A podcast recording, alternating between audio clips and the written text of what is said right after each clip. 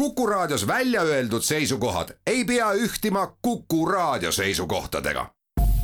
Te kuulate Kuku Raadiot. ja nüüd kohe algab Juku Raadio. Juku-Kalle Raidi köögilaua taha ongi juba kogunenud kõikvõimalikud spetsialistid ja muidu toredad inimesed. tore, et sina ka tulla said. häid mõtteid toob Juku Raadiosse Postimehe kirjastus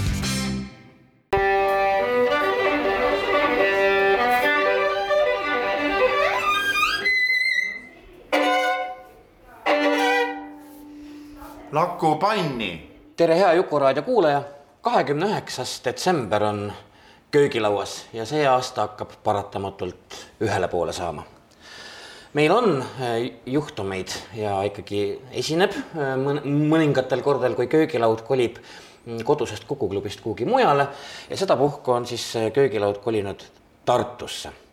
nagu muuseas ilmselt juhtub ka veel ka järgmises saates juba uuel aastal aga mm, kaks tuhat kakskümmend kaks on tegelikult äärmiselt vähe aastaid, mis on nagu ikkagi nii märgilised olnud, loomulikult ma pean silmas äh, Venemaa agressiooni Ukraina vastu, aga laiemas mõttes on see ju agressioon kogu no ütleme siis lääne kultuuri ja, ja, ja läänluse vastu üldiselt, nii et see aasta dikteerib teema ise. aga me ei räägi muidugi Ukraina sõjast, neid, ütleme, päevauudiseid on ju äh, kõik kohad täis, neid saab lugeda. ent kui me mõtleme Vene impeeriumile ja siis sellele imperialistlikule lõputule laienemissoovile, siis võib-olla tegelikult kanduks natukene ajalukku ja vaataks, kust kohast äh, see on alguse saanud. Äh, miks Venemaa on selline, nagu ta on, miks ta on just selline, et ta on võimeline ülejäänud maailmale nii palju noh, tõepoolest äh, halba tekitama, mure ja peavalu sigitama. ja nagu meil tihtipeale on, siis äh, ka selleks köögilauaks on ainest andnud raamat, küllaltki uus raamat, võib-olla kuukene on ta praegu vana umbes. Ja raamatu autor on Mati Laur, kes on Tartu Ülikoolis üldajaloo õppetooli juhataja ja uusajaloo professor ja see raamat siis räägibki Vene impeeriumi sünnist, Venemaa ajaloost Peeter Esimesest Katariina Teiseni. et Mati Laur arvab, et impeeriumi algust võib siis umbes sealt otsida. me nüüd vaatame, kas me läheme ajas veel ette või mitte, igal juhul eh, Mati Lauril me oma köögilauaga külas olemegi, tere Mati. tere. sa oled ise sellele, selle raamatu kohta öelnud, ma nüüd tsiteerin paljude jaoks on Venemaa tundunud võõra ja arusaamatuna, vahel koguni müstilisena siin Tartus, kus see raamat on kirjutatud, linnas, mille nimi kanti esimest korda ajalookroonikasse venelaste vallutatud tugipunktina, mille Vene riik Põhjasõja ajal maani maha põletas ning Teise maailmasõja ajal varemetesse jättis, linnas, mis jääb praegugi piirist vaid napi tunni auto, aga ka tankisõidu kaugusele, on Venemaa kõike muud kui kauge ja eksootiline müstika. see on täiesti tõsi, sest ütleme, nii lähedaste naabritena, nagu meie Venemaal oleme isegi kui ta võib tunduda müstilisena, siis see müstika on sellist, ütleme mitte niisugust, niisugust ilusat muinasjutulaadi, vaid midagi mm -hmm. palju hullemat mm. -hmm. et kus me nüüd äh, seda impeeriumi algust äh, või meie imperialistliku mõtlemise algust Venemaal võiksime otsida, kas see võib olla juba Ivan Julm, äh, kes siis hakkas seletama, eks ole ju Moskvast või kolmandast Roomast ja, ja kelle laienemisplaanid olid ju ka üldteada? nojah, tähendab, kui me nüüd vaatame nüüd nagu päris niimoodi sõnasõnaliselt, eks ole, et, et millal siis Venemaa saab impeeriumiks, millal Venemaast saab keisririik, siis on see tõesti nii nagu selles raamatus, et yeah. Peeter Esimene, tema nimetab ennast keisriks, tema on esimene imperaator, no sellega oleks nagu selline noh, terminoloogiliselt see asi paigas. aga kui nüüd tõepoolest minna natukene ajaloos tagasi, siis noh, mina läheks ikkagi päris äh, noh, nii, nii kaugele, kui annab minna. ehk siis selle aja peale, millal siis Moskva riik tekkis, seal Moskvat ennast nagu veel ei olnud, aga siis seal Kirde-Venemaa metsade vahel, kui ta ennast nagu siis hakkas pidama millekski muuks, kui siis oli see Kiievi Venemaa, mis oli noh, ütleme nii, tolle aja kohta suhteliselt päris normaalne riik ja juba ju sellest ajast peale ju ja ta hakkab ennast vastandama Kiievile.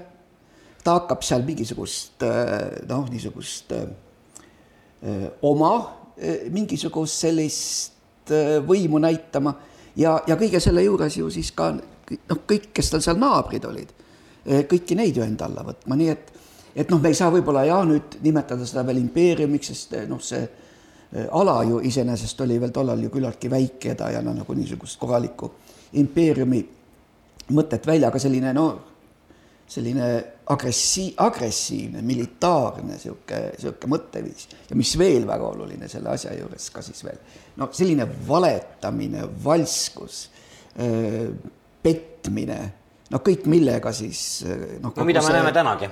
jaa, absoluutselt, tegelikult ega seda ei ole, noh, see ei ole mitte kuskile, ei ole ju, ju kadunud see hakkas ju noh, no nii kui see veel enne, kui no ütleme, seal oli siis veel noh, Vladimir oli näiteks tollal oli selline oluline keskus ja, ja eks neid oli seal teisigi. Moskva on ju veel, veel hilisem, aga see on ju noh, kogu aeg on olnud siin on veel üks asi vist, et kui Moskva ennast siis Kiievist distantseeris ja, ja arvas, et on õige hetk hakata nagu iseseisva üksusena mm -hmm. toimima, siis eh, üks esimesi asju, mida nad ka tegid, mitte ei vastandanud ju ennast ainult Kiievile, vaid sisuliselt tegelikult kogu ülejäänud eh, ka kristlikule kultuurile ja maailmale, et see vastandamine hakkas õige kohe peale. ja, ja, ja, ja, ja, ja, ja, ja muidugi. ja seal oli siis ikkagi noh kui nüüd üldse vaadata, kui, kui üldse kellegiga seal või, või, või, või kui üldse üritati mingisugust koostööd teha, siis, eh, siis see oli ikkagi, eh, ikkagi, need olid siis mongolid, kellega, kellega yeah. üritati ja, ja kust võeti ikkagi väga palju asju võeti üle. nii et, eh, et tegelikult kogu see, ka see Moskva riigikorraldus ja, ja kõik see on ikkagi tehtud Äh, mongolite šniti no, mongolitele alluv Vene ülikond, eks ole ju, kes siis tegelikult ise oma rahvast äh, maksustas ja, ja väga palju kombestikust. täpselt niimoodi jah, no kasvõi üks, üks, üks ainus näide, eks ole, meie kõrval oli siin Novgorod. Novgorodi ju mongolid ei äh, suutnud vallutada, ma ei tea, seal on mitmeid teooriaid selle kohta, no üks võimalus vist või millest ka kõneldakse, et noh, ta on niisugune soine maa ja nad lihtsalt kuidagi see aastaaeg oli vist natuke halb, aga noh, ma ei ole väga kursis noh, nende selliste konkreetsete asjadega. aga noh, oluline on see, mongolid ei vallutanud, aga kes siis, kes siis Novgorodi maksustasid ja, ja kes hakkasid siis novgorodlastelt mongolite jaoks sandamit. koguma jah.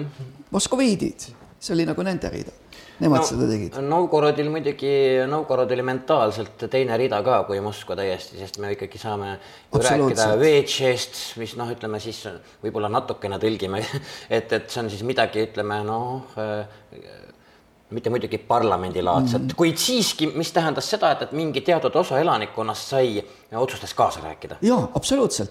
ja, ja, ja selles mõttes noh ma pean juba kohe ütlema ära, et, et, et minu jaoks muidugi noh, ma ei näe, ütleme praegu, praeguses, praeguses Moskva riigis küll mitte mingisuguseid äh, demokraatlik, noh, demokraatia võimalusi, no minu meelest on see täiesti, täiesti, täiesti võima-, noh, nagu, nagu võimatu. aga mis on väga huvitav jah, et noh, võib-olla isegi mitte niivõrd Vene enda ajaloolast, aga siis ütleme, välismaa ajaloolaste jaoks on väga oluline, et et Vene ajaloost nopitatakse, nopitakse välja sellised äh, sellised episoodid, kus oleks nagu mingisugune, mingisugune pööre võimalik. Nagu enam-vähem, et äkki muutub salongikõlbulikuks. seda, seda üks asi ja et, et, et võib-olla mingisugused sellised, sellised kohad on ja üks kindlasti selliseid noh, õigemini siis nüüd küll nüüd vastupidi, et, et kus nagu väga pikaks ajaks võeti, võeti igasugune võimalus ära, oligi seesama Novgorodi allutamine Moskvale, nii et, et tegelikult selline noh, jah, võib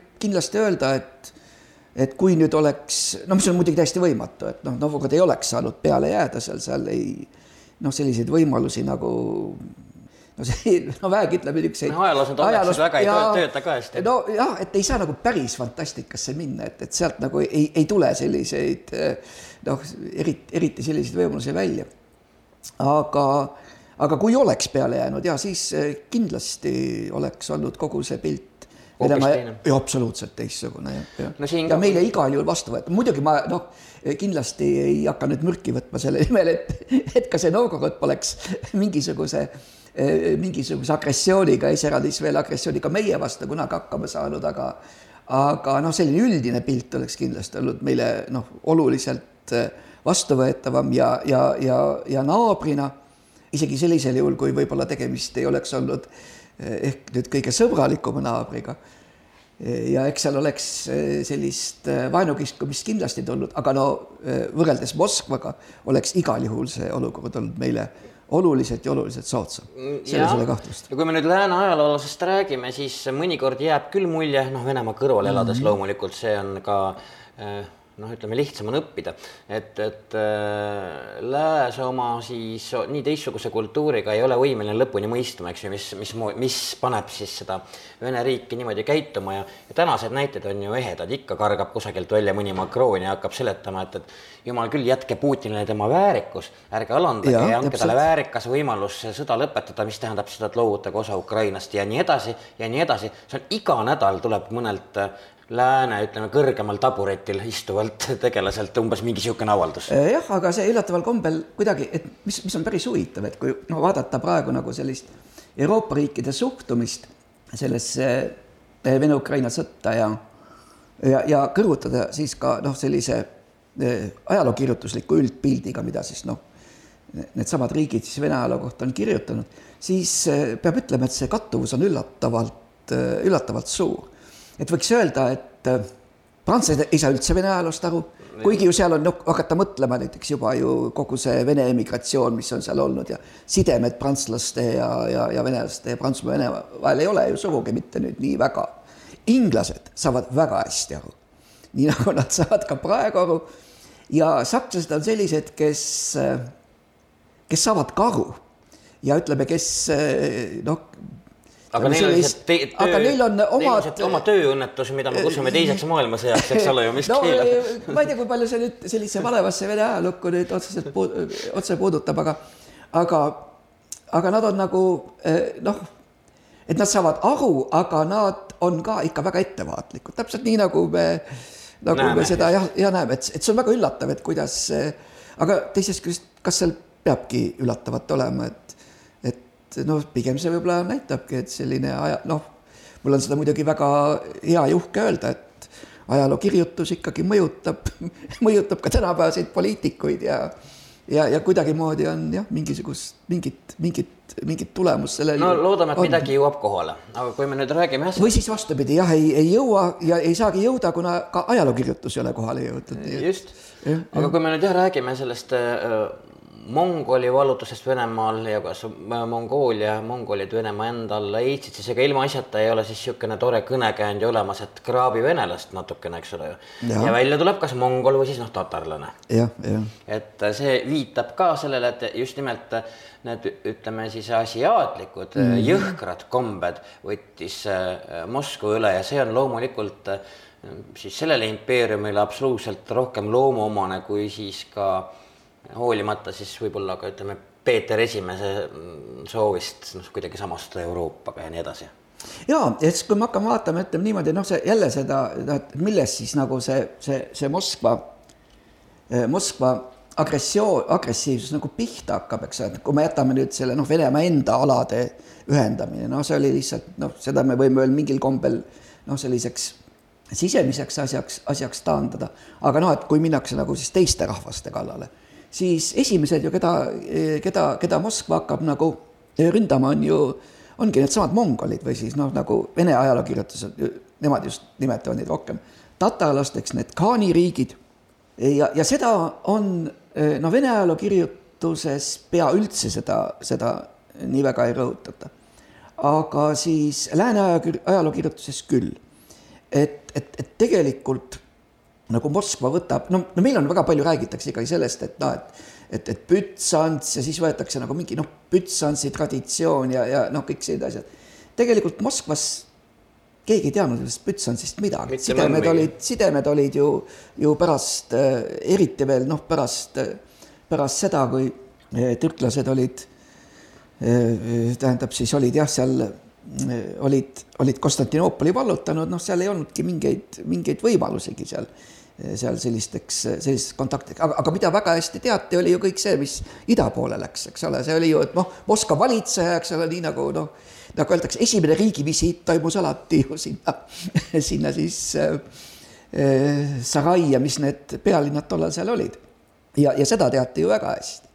ja, ja, ja, ja, ja selles mõttes ka, ka mulle tundub see nagu väga sellise noh, mõistliku arusaama või tõlgendusega, et, et, et jah, et esimene asi just, et, et, et see, selle kuldhordist lagunenud need kaaniriigid kõigepealt need võtta. Need võtta ja siis, et Moskva on nüüd nagu uus nii-öelda see kuldhord või uus yeah uus keskus siis. siin on, siia on sisse kirjutatud ka üks huvitav Venemaale nii iseloomulik tegelikult skisofreeniline mõtteviis, sest et seal on väga palju skisofreenilist mm, et ühest küljest, kui me räägime jah, tatari-mongoli ikkest, siis me ju koolis oleme õppinud, et venelased ise väga rõhutasid, kuidas nad suutsid selle ikke lõpetada, eks ole ju, siis Kaani ikke alistada.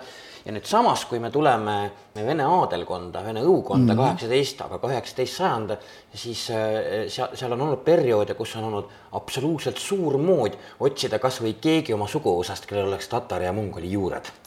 ja, ja, ja, ja seal on jah, seal noh, no ma olen seda nimekirja näinud ja ja seal ikka väga palju üllatavaid nimesid, kui ei tule selle pealegi, eks ole, seda ju, kui seal on, noh, neid me ju kõike teame, kes siit Baltikumist tulid ja. ja ka sinna Peterburi jõudsid ja noh, eks seal ole ka ju nime järgi ju see üsna, üsna lihtne selgeks teha, aga aga jah, sellised nimed, mis on noh, nagu praegu kujutaks ette, et või noh, tunduvad ju täiesti selliste igapäevaste vene nimedena, aga need on jah, kõik on, juured on on seal jah, on seal jah, jah. kui me nüüd äh, Tatari-Mongoli äh, perioodist tuleme natukene äh, pisut, pisut liigume edasi, siis me jõuame Ivan Julmani, noh, me hüppame siin muidugi mm -hmm. ajas edasi-tagasi, aga miks see on oluline, sest see nüüd on niisugune Vene valitseja, kelle on eeskujuks sättinud ju noh, kõik ütleme, hilisemad diktaatorid.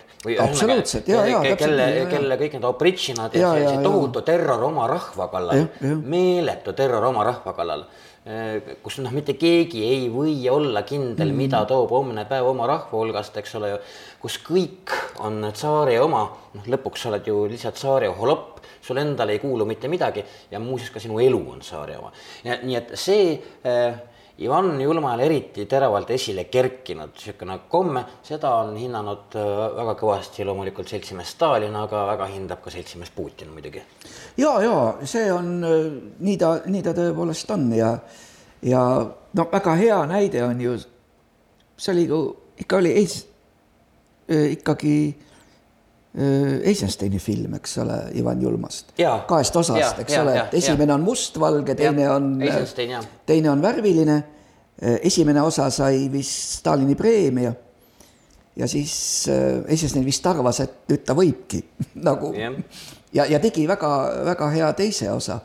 no kus ta siis noh, nagu no umbes nii, nagu ta ise sellest asjast arvas ja, ja ta ei arvanud nii nagu seltsimees Stalin, nii et et see film, noh, see teine, teine seeria tuli nagu hävitada, aga noh, nagu paljudel juhtudel juhtus, et see noh, jäi, õnneks jäi siis, jäi ikka alles. jah, seal on ja seda on pärast on näidatud. isegi internetist on see täiesti ja, leitav ja, ja alla laetav, et, et ega kui Eisenstein sisse trükkida, siis seal ja, see, see tuleb, ühesõnaga saab vaadata. muuseas, kui vene keelt ei valda eh, seal seletustes, siis ka kõik, seal on ingliskeelsed seletused, selgitused ka täiesti juures mm. aga jah, eh, mida ma olen ise, kui, kui ma noh, olen, olen ka siin noh, Ivan Julmast olen loengut pidanud ja siis ma olen ikka alati toonud sellest, eh, sellest filmist ühe stseeni, seal on siis selline, see on siis see koht, kus moskvalased tulevad, eh, Ivan Julman, ta on siis seal Moskva lähedal, on seal ennast, on sinna peitu pugenud ja, ja siis tulevad moskvalased, tulevad, et tulge noh, tulge tagasi. tulge valitsege meid. ja, ja, ja kus, kus ja, ja, ja tulge vali-, kusjuures seal on ka siis tingimuseks on see, et, et kuidas seal kroonikas on öeldud, et, et ta võib muidugi teha, teha kõike, mida tema tahab ja seal on siis ja ka mõningaid hukata ja nii edasi, nii et ka see, kogu see terror oli nagu juba sellesse saatekirja sisse kirjutatud. ja siis kaamera näitab mingisugust Vene lagendikku ja sinna on siis, ma ei tea, kust nad said nii palju statiste. no tollal ei olnud ju ka seda võimalust, et noh, seda kombineerida nagu tänapäeval on ju väga lihtne, eks ole, saab seal mingi sajast tuhat teha ei ole ju tänapäeval mingi kunst, aga tollal muidugi noh, nii et, et see on siis ikka loendamatu hulk inimesi, kes on siis sellist lõputut, kaob kuskile sinna Äh, lume, lumetuisu sisse see, see, see, see ots siis nendel kõigil moskvalastel, no tegelikult oli seal mingi kuus või seitse tüüpi, kes siis noh, tulid, aga noh, see pole yeah, praegu tegelikult yeah,. Yeah. aga oluline on noh, selle filmi ideoloogia, eks ole, kuidas, no see tundub nii jaburana ja nii, et kuidas, kuidas kõik moskvalased jah. ja, ja, ja, ja teatakse, mis tuleb ja, ja, ja et, et tulge ja ta-, ja tapke siis noh, et meid, tapke meid ära, eks ole, ja, ja, ja, ja, ja seda ja teist ja kolmandat, nii et noh muuseas, see Ivan Julm jah, et, et see, kuidas ta äh, läks kloostrisse, teatas, et ta loobub mm -hmm. võimust, kogu see asi, muidugi see oligi üks suur teater, see ehmatas siis selle bojaarkonna kõvasti ära, noh siis läksidki saadikud mm, -hmm. et mhm. no see äh, lõi neil ikkagi jah, täiesti kõhu lahti ja muuseas seda väga, seda, seda täpselt sedasama asja muidugi väiksemas mastaabis on ju kasutanud äh, seltsimees Stalin. no justkui tõepoolest oleks ta oma elu tahtnud Ivan Julma äh, elu pealt maha kirjutada ja see juhtus kahekümnendatel aastal, kui ta saatis siis NSV Liidu poliitbüroole Mm, kirja, et tema ei saa eh, Trotskiga koostööd teha ja ta palub ennast tagandada ja saata kuhugi perifeeriasse eh, kaugele. Mongooliasse suursaadikuks no,. enam-vähem midagi sihukest, kujutate pilti, eks ole, ja siis muidugi poliitbürood, ei, ei, seltsimees Stalin, mis te nüüd et, et see ei, kõik ei lähe läbi. et selles mm. mõttes on need väga naljakad paralleelid. nojah, et kui ma oleks jälle lääne ajaloo või noh, tähendab selles mõttes siis noh, eks me kõik ole siin Eestis lääne ajaloolased, aga aga, aga kusagilt siis noh veel natuke Venemaast kaugemal, siis ütleks, et, et jälle üks hea olukord, kus oleks võinud ju kõik muuta, kui seltsimees Stalin olekski saadetud ja palun seltsimees tuva, tuvasse näiteks suursaadikuks ja, ja meil oleks minna, päris jah, et aga ei noh, eks see oli ka peenelt kalkuleeritud asi loomulikult Äh, Ivan Julmaga seoses tuleb ka siis äh, ikkagi Venemaal äh, esile see pilt või kuvand saarest ka lihtsa mhm. inimese jaoks, et noh, saar esiteks ta on kõikvõimas ja tsaari tahe ja soov on jumalast ja sellega ei saa vaielda. et see nagu kogu vene kultuuri sisse kirjutatud, et see, see ei käi nagu isegi küsimuse alla, kui tsaar on midagi öelnud. E, nojah, seda, et nüüd võim on jumalast, see oli ju noh, täpselt sama täpselt sama jumalast oli ka, oli ka Prantsuse kuningavõim ja nii edasi.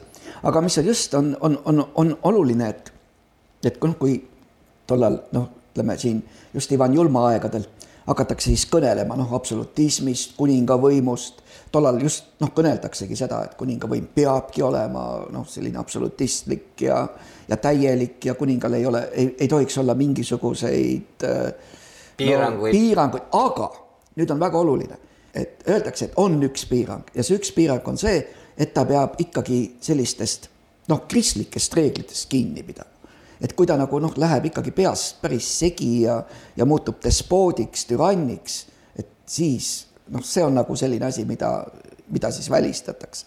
no paraku Venemaal seda ei juhtu. ja täpselt ja, ja, ja Venemaa ja Venemaa ei olegi eh, ka, ka, ka nende tollaste no nüüd nende lääne mõtlejate jaoks, kes siis neid, neid erinevaid riigikordi analüüsisid ja ja neid asju vaatasid, siis jah, Venemaa puhul oligi täiesti, täiesti kindel oldi see, et see ongi türannia, see ongi despootia ja see püsib noh, nii on see ka kaheksateistkümnendal sajandil, kus noh, Montesquieu ütleb, et äh, tema jaoks ongi, no ta analüüsib siis neid erinevaid riigikorra võimalusi, aga mis on tema jaoks noh, nagu, nagu täiesti kindel asi, on see, et, et mitte noh, et mitte mingil juhul ta ei, ta ei toeta mingit despootiat, mingit türanniat. et ükskõik, mis riigikord oleks, aga ta peab siis, see riigikord peab kuidagimoodi äh, Eh, siis noh, vältima siis sellist türanniaks või despootiaks muutumist ja siis ta ütlebki, et noh, et aga ainuke erand on Venemaa.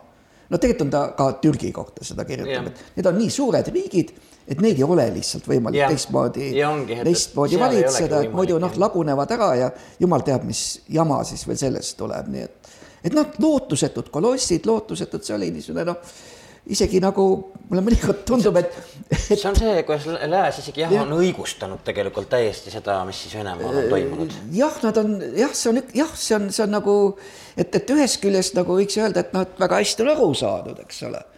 et et väga hästi saadakse aru, mis, missugune see Venemaa on.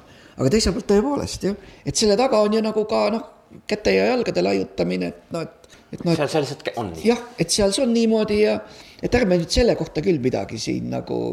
või, või jah, kobiseme ja ärme ja, ja ega midagi seal teha ka ei anna, eks ole. et kuidagi nagu jah, et, et sellist, sellist püüdugi ei ole nii, me teeme äh, meie neljasaja neljakümne kuuenda köögilauaga pisikese pausi. Mati Laur ja tema raamat Impeeriumi sünd, Venemaa ajalugu. Peeter Esimesest Katariina Teiseni peale pausi me nüüd siis jõuame ka, ka Peeter Esimese Katariina Teiseni eliks siis selle temaatikani, milles sina oled siis noh mm -hmm., neli aastakümmet Tartu Ülikoolis äh, Vene ajaloo loenguid noh, üks osa sellest, millest sa oled pidanud ja millest siis see raamat meil räägib, nii et me oleme hetke pärast tagasi Te olete Kuku raadio lainel ja kuulate Jukuraadiot. häid mõtteid toob Jukuraadiosse Postimehe kirjastus. Kahekümne üheksas detsember, neljasaja neljakümne kuues Jukuraadio köögilaud on mm, selle formaadiga muidugi aasta viimane võib-olla tuleb veel aasta lõpus üks tantsulka ka. aga meil on äh, siis äh, tänases köögilaus, õigemini köögilaud on Mati Lauri juures, kes on siis äh, Tartus üldajaloo õppetooli juhataja, uusajaloo professor ja meie saate aine, aineseks on siis tema raamat Impeeriumi sünd Venemaa ajalugu Peeter Esimesest Katariina Teiseni ja me üritame natukene nüüd lahti muukida. Ehm, miks on Venemaa selline, nagu me teda täna näeme, ehm, kuidas ta siis, milline ta just meil siin kõikidele üle maailma peavalu ehm, valmistab.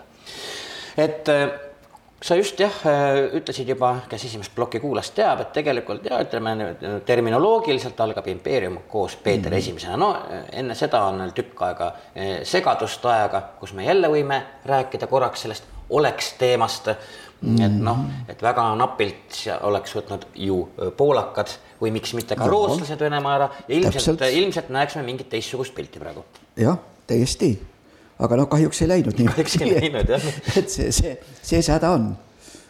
nii et äh, me mm, tuleme siis segastest aegadest, see on üks, noh, see peaks olema täiesti eraldi köögilaua teema mm, -hmm. sest see on üks äärmiselt huvitav, äärmiselt e-, e-, eklektiline äh, peatolekuperiood Venemaa ajaloos, aga me jõuame nüüd tõepoolest Peeter Esimeseni, kelle kohta siis ühest küljest öeldakse, et ta oli ju suur ref-, reformaator aga mm, olles sinu raamatut lugenud ka, me vaatame, et need reformid on äh, hästi eklektilised ja noh, kas ta nüüd siis ikkagi mõtles ise olla reformaator või olid tal hoopis mingid teised äh, mõtted peas? ja nii ta on ja, et äh, noh, ma usun, et kuulajate hulgas on ikka neid inimesi ka veel, kes on, kes on siis okupatsiooni ajal ajalugu õppinud ja, ja ma noh, olen üsna kindel, et et selline peatükk või õppetükk, nagu oli Peeter Esimese reformid, see oli ju noh, see oli nagu lust ja lillepidu, et sealt oli ikka väga raske oli seal nagu viiest või neljast nagu halvemat hinnet saada, sest need,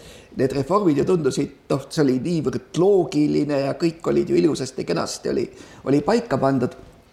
aga niipea, kui me näiteks noh, kõige lihtsam asi, paneme need reformid lihtsalt kõige lihtsamalt kronoloogilisse järjekorda.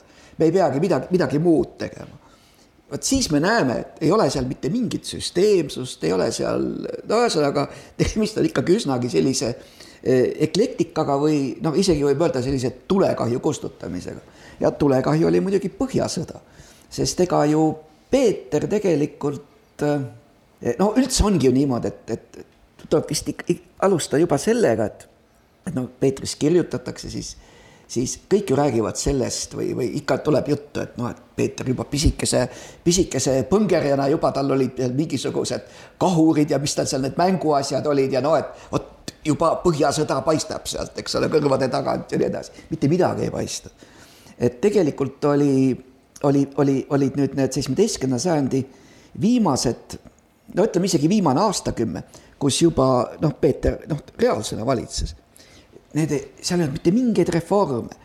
ainuke asi, mida Peeter nagu üritas, isegi see agressiooni moment oli suhteliselt tagasihoidlik, et ta nagu, nagu üritas siis jõuda või ühesõnaga ta, tema, noh, tema see, see militaarsus ja agressiivsus oli siis, oli siis suunatud Krimikaani riigi vastu ja, ja, ja, ja siis tal õnnestus Aasov, seesama Aasovi, millest me praegu.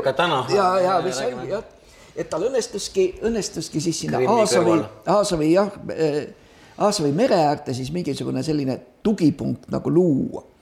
ja, ja, ja, ja mis ta nüüd sellest kasu sai, väga raske, raske isegi seda seletada aga no eks ta siis üritas sealt kuidagimoodi edasi minna ja siis ka see kogu see kuulus, mida me ju kõik teame, Peetri, välis, välismaa reis ja siis me teame seda, kuidas ta siis Hollandis Holland- puu- puusepp. puusepp ja on- tubli, see on nagu kohustuslik ja ja täpselt, täpselt tubli meistrimees, eks ole, ja nii edasi ja ja noh, sealt jääbki mulje noh, et nagu tegemist olekski nagu mingisuguse sellise Valgustada ja- härrasmehega. või, või siis, või siis just vastupidi, et sellise kutsekooli praktikaga, aga no tema eesmärk oli ikka muidugi no mida ta tahtis, oli, oli saada Türgi vastune mingisugune liit.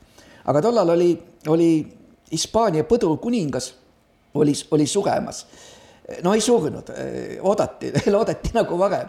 Ja oli teada, et, et noh, järel, järeltulijat tal ei olnud ja kogu Euroopa oli huvitatud sellest, et et noh, sealt, noh sealt oli juba midagi huvitavat oli tulemas, mis saab Hispaaniast, oli teada, et, et küllap siis äh, Prantsusmaa seal sekkub nendesse asjadesse ja ja, ja, ja ühesõnaga noh, kogu Euroopa tähelepanu oli hoopis mingitel muudel asjadel. Türgi ei olnud enam selleks ajaks äh,, ei olnud enam nii tähtis.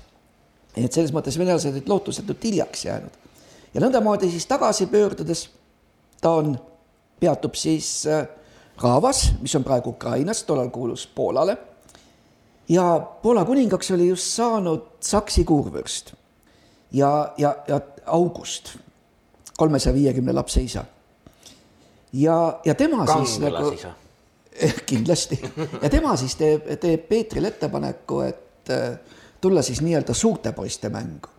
Peeter muidugi kahtleb selles, et noh, kas Venemaa on valmis ja kõik ja nii edasi ja peab ütlema, et, et see kahtlus oli küllaltki adekvaatne. aga noh, aga samas ka see meelitus ja see võimalus, eks ole, no peale selle liitlasi on ju, on ju veel teisigi, eks ju, Saksimaa, noh, pluss siis nii-öelda mingis, mingil määral ka Poola toetus, kuigi Poola alguses põhjaosas ametlikult ei osalenud, Taani, eks ole, veel sealjuures, Rootsi kuningas noor, noh, arvatakse ka, et noh, küll äkki noh, kuidagi saab seda ära kasutada. ja siis ta, ja siis ta nagu jah, andis siis oma nõusoleku. aga, aga no loomulikult see oli, me ju teame kõik, mismoodi see Narva tuhande seitsmesajandal aastal lõppes, see oli ikkagi ju mulle isegi tundub, et Kiievi alt nad läksid natuke soliidsemalt ära, kui, kui nad läksid tuhande seitsmesajandal aastal Narva alt. no see oli no absoluutne katastroof ja, ja noh, hiljem on ka öeldud, eks ole, et, et noh, Karl kaheteistkümnendal on ette heidetud, et miks ta siis nagu seda Baltikumi ja miks ta nagu seda noh, ta noh, pärast Narvat no ta nagu põhiliselt läks nagu põhiliselt tema tegevus oli siis Poolas ja ta tegeles just, et ta jättis nagu Aga jah, selle jah. Bal- Baltikumi selles mõttes äh, absoluutselt noh, õigesti, laokile. aga, aga jaa, aga, aga, aga, aga see süüdistus ei ole üldse mitte või noh, me ei pea teda selles sugugi süüdistama, sest noh, ta ju oma silmaga, Karl kaheteistkümnes oli ju kohal, ta nägi oma silmaga no seda, missugune noh, kui hävitajalt venelased lüüa said. see on, see on, see on üks asi ja teine asi oli ju selles, et, et ega need noh, need, mis need venelaste vallutused siin olid, Narva ja Tartu ja mis, mis siis tuhande seitsmesaja neljandal aastal läksid. no see ei olnud ju rootslaste jaoks veel maailma lõpp. Jah. rootslaste plaan oli väga selge, Moskva, me võtame ära Moskva ja siis istume laua taga ja, ja, ja siis paneme selle rahulepingu kirja. ja no loomulikult arusaadavalt, eks ole, küsimus ei olnud mitte selles, kas Narva ja, ja Tartu jäävad, vaid ütleme noh, küsimus võis olla, kas, kas, kas Pihkva ja Novgorod jäävad, jäävad Moskva alla, eks ole, see ja, ja see ei olnud mingi utoopia sellel, sellel hetkel, eks ole, arvestades, missugune see olukord oli.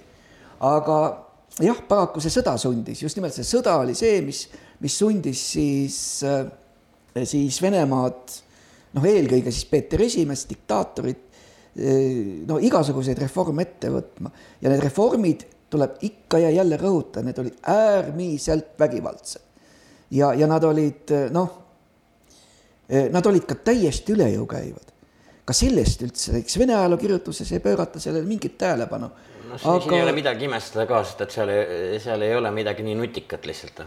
jaa, aga noh, näiteks üks, üks näide, mis vist siia raamatusse ka läks, et et needsamad Peterburi kanalid, eks ole, mida me noh mm -hmm., ilusad, ei, tõesti ilus, kena kõik.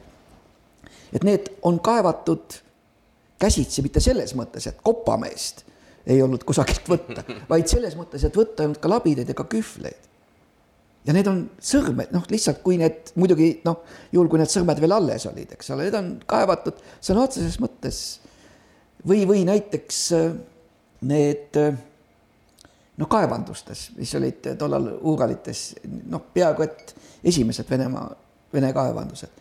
seal ju mingid talupojad, kes sinna, kroonutalupojad ja, ja keda sinna siis võeti ja, ja nad tegutsesid seal maa all ja nad olid siis selle, nad olid aheldatud. käru külge. käru külge, täpselt ja, nii. Nad ja, ei saanud isegi jalg, mitte midagi ei, teha. Nad elasid koos selle käruga ja, ja, ja nad ei saanudki sealt välja Nad ei saanudki sealt maa alt ega sealt käru juurest välja. Ja ainukene noh, mis selle asja juures lohutav on see, et see elu ei kestnud pikalt. see ei kestnud pikalt ja. ja see ja, oli ainukene lohutav selle asja juures. Peetri-aegset eh, juba le, levinud või noh, ütleme sellist ainuomast mentaliteeti, mis kestab samamoodi tänase, tänaseni, et ühesõnaga eh, riigiala oma elu kui niisugune ei tähenda mitte mõnda. üldse inimelu ei maksa ei, mitte midagi. ei loe mitte tuhkagi. täpselt nii ja, ja, ja, ja mina olen nagu võrrelnud seda noh, kui ma tudengitele olen, olen neid ka neid reforme seletanud, siis ma olen nagu võrdluse toonud just, et tõesti, need olid edukad. no me teame, noh, Venemaa võitis selle Põhjasõja. ka Eesti ja Liivimaa, eks ole, läksid, läksid, läksid Venemaa külge. et selles mõttes ta oli, oli tõepoolest noh, nad kogu selles julmuses, kogu selles vägivaldsuses oli, oli, olid nad tõesti edukad, aga ka siin tuleb seda rõhutada, et et, et mina olen nagu võrrelnud seda toonast Venemaad, olen võrrelnud noh, nagu ütleme, tubli sportlane. ta tuleb, ta noh, mingi distantsi võidab, eks ole, nii-öelda siis rebib rinnaga selle lindi ja, ja siis ta ka kaob, kukub sinna finišisse ja, ja teda siis viiakse kanderaamiga sealt minema ja, ja, ja noh, kulub, võib kuluda päevi, enne kui see vapper sportlane üleüldse omal, omal jalul nagu noh, liikuda suudab, eks ole, ta on ennast kõik oma lihased rebestanud ja nii edasi ja nii edasi. Ja täpselt sama oli ju ka Venemaaga. no see on jällegi jälle eksasi ja, ja, ja selline asi, noh, kas me oskame nüüd noh, sihuke noh, me ei saa ju noh, see on oletus ja nii edasi aga, aga, aga näiteks noh, mina ei välistaks seda võimalust või no vähemalt noh, see on ikka oletuslik, et kui Peetrile oleks antud veel eluaastaid, eks ole, ta suri ju, vist oli viiskümmend kaks või viiskümmend neli, midagi niisugust. küllaltki noorelt. natuke üle viie, viiskümmend pluss, eks ole. no oleks ju võinud ju noh, mingi kümme aastat ju noh, jah, rahulikult jah. Aga esiteks ta ei oleks tiksunud rahulikult, vaid ta oleks ju jätkanud kõike seda asja. ja, ja, ja ma oleks täie- ja, ja, ja, ja, ja ma, ma kardan, et oleks jäänud omaenda riigi rusude alla. sest noh, see, see riik ei oleks vastu pidanud nendele, nendele reformidele, nii et, et noh, nagu viimasel hetkel saadi noh, lihtsalt see surm, Peetri surm pani piduri ja me näeme ka edaspidi, et siin läheb mitu aastakümmet, enne kui Venemaa toibub, aga noh, ta tuleb sellest reanimatsioonist välja, kahjuks jällegi. jälle üks küll. asi, mida noh, sest ole, pe pe peale Peetrit me võime jälle öelda, on selline, ütleme siis äh, niisugune tagasihoidlikum äh, vähekene epohh, eks ju. väga tagasihoidlik. just nimelt, lakutakse haavu.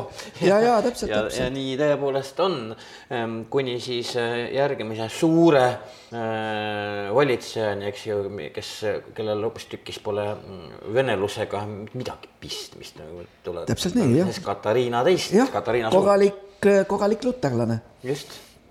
jah, see on jah, vot selles raamatus ka, et noh, ikkagi nii nagu korralik Hollywoodi film tuleb ju ikkagi lõpetada ju noh, natukenegi noh, midagi isegi Vene ajaloos tuleb ju, ole, ole, oleks hea otsida noh, natukenegi mingisugust helgemat kohta ja ja, ja Katariina teine on muidugi hea, hea näide, aga samas ka õpetlik näide, et et, et tuleb siis inimene Saksamaalt, ta on Saksamaal üles kas-, Saksamaal sündinud, üles kasvanud. Vene keelt ei räägi.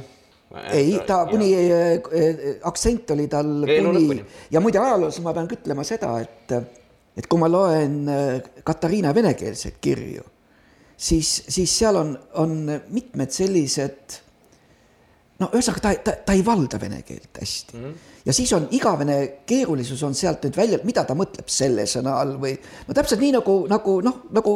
väga palju tõlgendamist. noh, nagu meie isegi, eks ole, kui me kõneleme, ütleme noh, mingis keeles, millest me nüüd noh, mida me nüüd nii ideaalselt ei oska, siis ikka tuleb ju mingisugune selline asi, asi, asi võib ette tulla, nii et jaa, ei, ei, vene keelega oli tal, oli tal kuni lõpuni oli, oli, oli noh, selliseid mõningaid raskusi aga tema tuleb ja ta tuleb, tuleb Venemaale, siis satub tema kätte toosama Montesquieu, millest juba juttu oli, tema seaduste vaimust, mis oli tollal noh, selline tõeline bestseller ja, ja, ja kus siis oli nagu antud noh, kogu tollase Prantsusmaa valgustaja eh, valgustuse, no niisugune ettekujutus siis, eh, millised on head seadused ja, ja, ja noh, see oli väga eh, noh, tollal ikka küllaltki noh, selline hästi-hästi loetav hästi haarav, haarav, haarav kirjutis. Ja nüüd ta loeb seda. Ja mida Montesquieu kirjutab?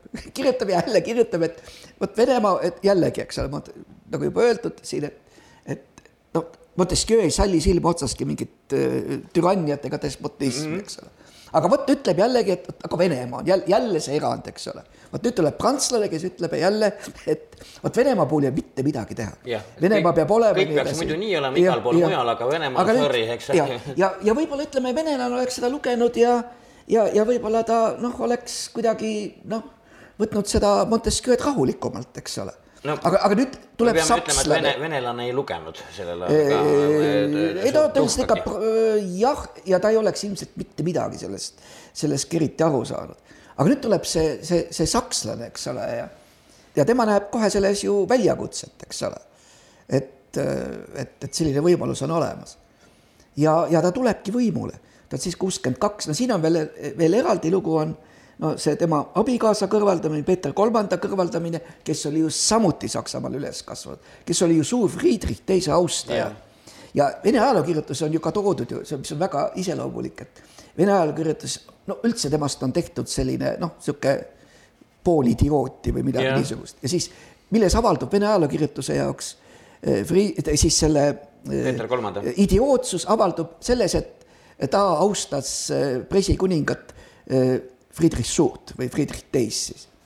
no aga siis me peame ütlema, et ka Voltaire oli ju pool idioot, sest tema isegi veel suurem, sest tema ju lausa oli ju, oli ju Friedrichi jõukonnas ja, ja kogu see Prantsuse valgustajate seltskond oli ju ka natuke uhuu, eks ole, sest ka nemad ju pidasid ju Voltaire'ist või tähendab siis Friedrich Teisest pidasid ju väga-väga-väga eh, lugu no see on ikkagi loomulikult, et kui Vene mm, ütleme, despotismi ajalugu tavaliselt mm -hmm. ei võimalda ka teisiti mõtlemist või teisiti võtmist, kuivõrd siis äh, ütleme, nõrk tsaar, eks mm, -hmm. et noh, ütleme nagu Hruštšov sellest ja, ei saagi pärast, see jääbki napakana äh, ajalukku.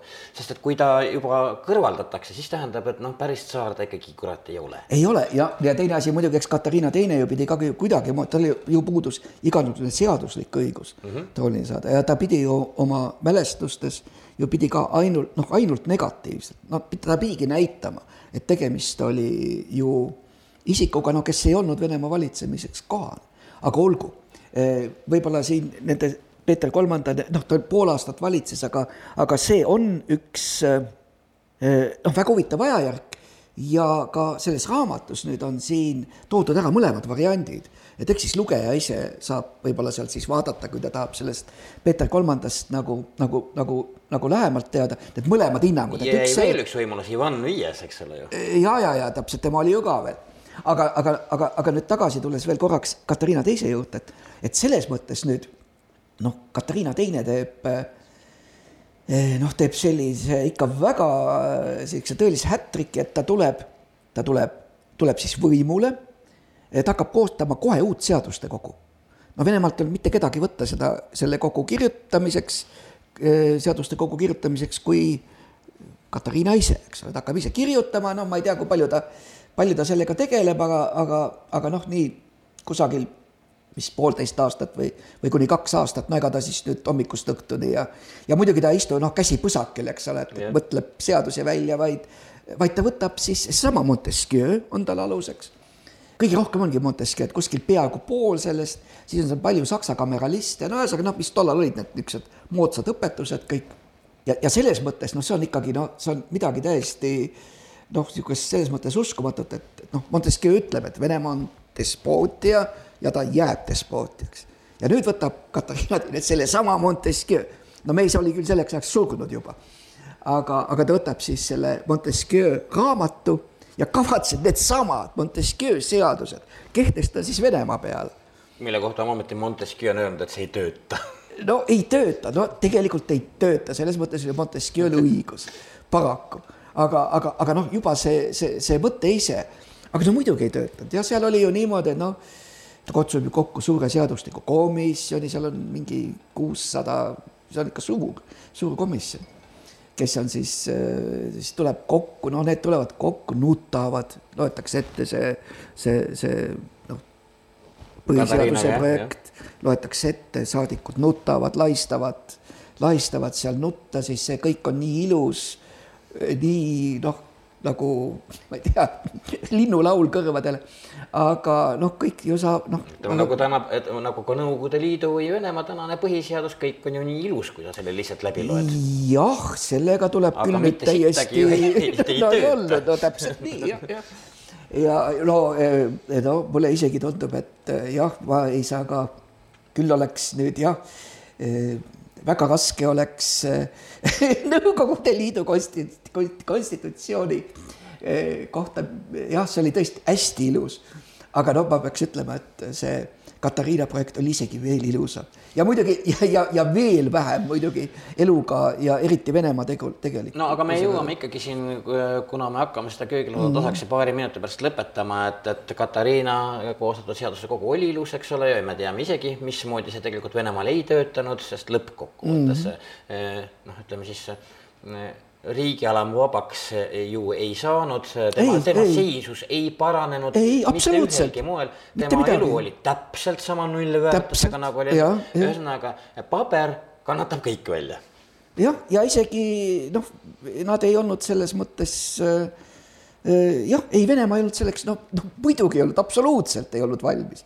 no me näeme ju isegi seda, et Prantsusmaa ju, mis oli ju kordades oli Venemaast arenenum, ka nemad ju sel samal ajal, noh, nad, ka nemad ei suutnud ju ilma vägivallata ja, ja ilma giljotiinita ja nagu äh,, nagu kuhugi jõuda. no mida me siis veel Venemaast tahame?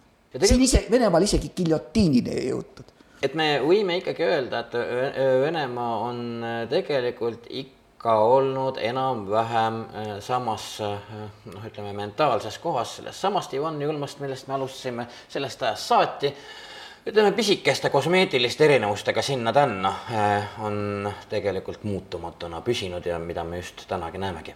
jah, ja tänasel päeval tuleb ikka selgelt öelda seda, eh, Vene karu on kaks võimalust, kas Vene karu on urus ja lakub seal haavu või ronib ta urust välja ja otsib saaki. kolmandat võimalust ei ole ja, ja, ja kes siin räägivad mingisugusest sõbra jutu ajamisest karuga või, või sellest, et jah, või mis iganes. kutsume et, karu külla. kutsu just nimelt jah, jah, see võrd-, jah, täpselt nii.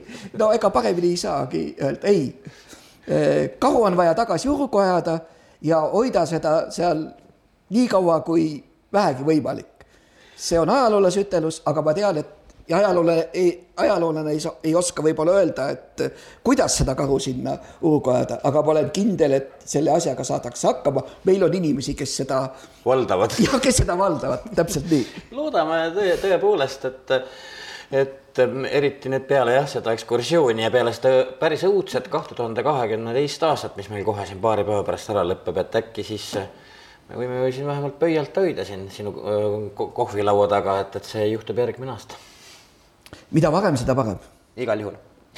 aga aitäh Mati Laurile, soovitan kõigile seda raamatut Impeeriumi sünd, Venemaa ajalugu Peeter Esimesest Katariina teiseni, no see annab küllaltki, küllaltki põhjalikult aimu, miks Venemaa on selline, nagu ta just on. Ja võib-olla tõepoolest aitab mõista ja panna vähem imestama, et miks see kõik nii on, nii et, et selles mõttes on see tore teos aga sulle aitäh, et sa meie köögilaua enda juurde vastu võtsid, kõigepealt Mati Laur. ja siis, mis ma oskan öelda, et loodame siis, et ärgu tulgu meil uus aasta hullem kui vana oli. no loodame seda ja aitäh ka sulle. jah, kõike paremat ja siis kas siis päris aasta lõpuni, uue aastani, vaatame.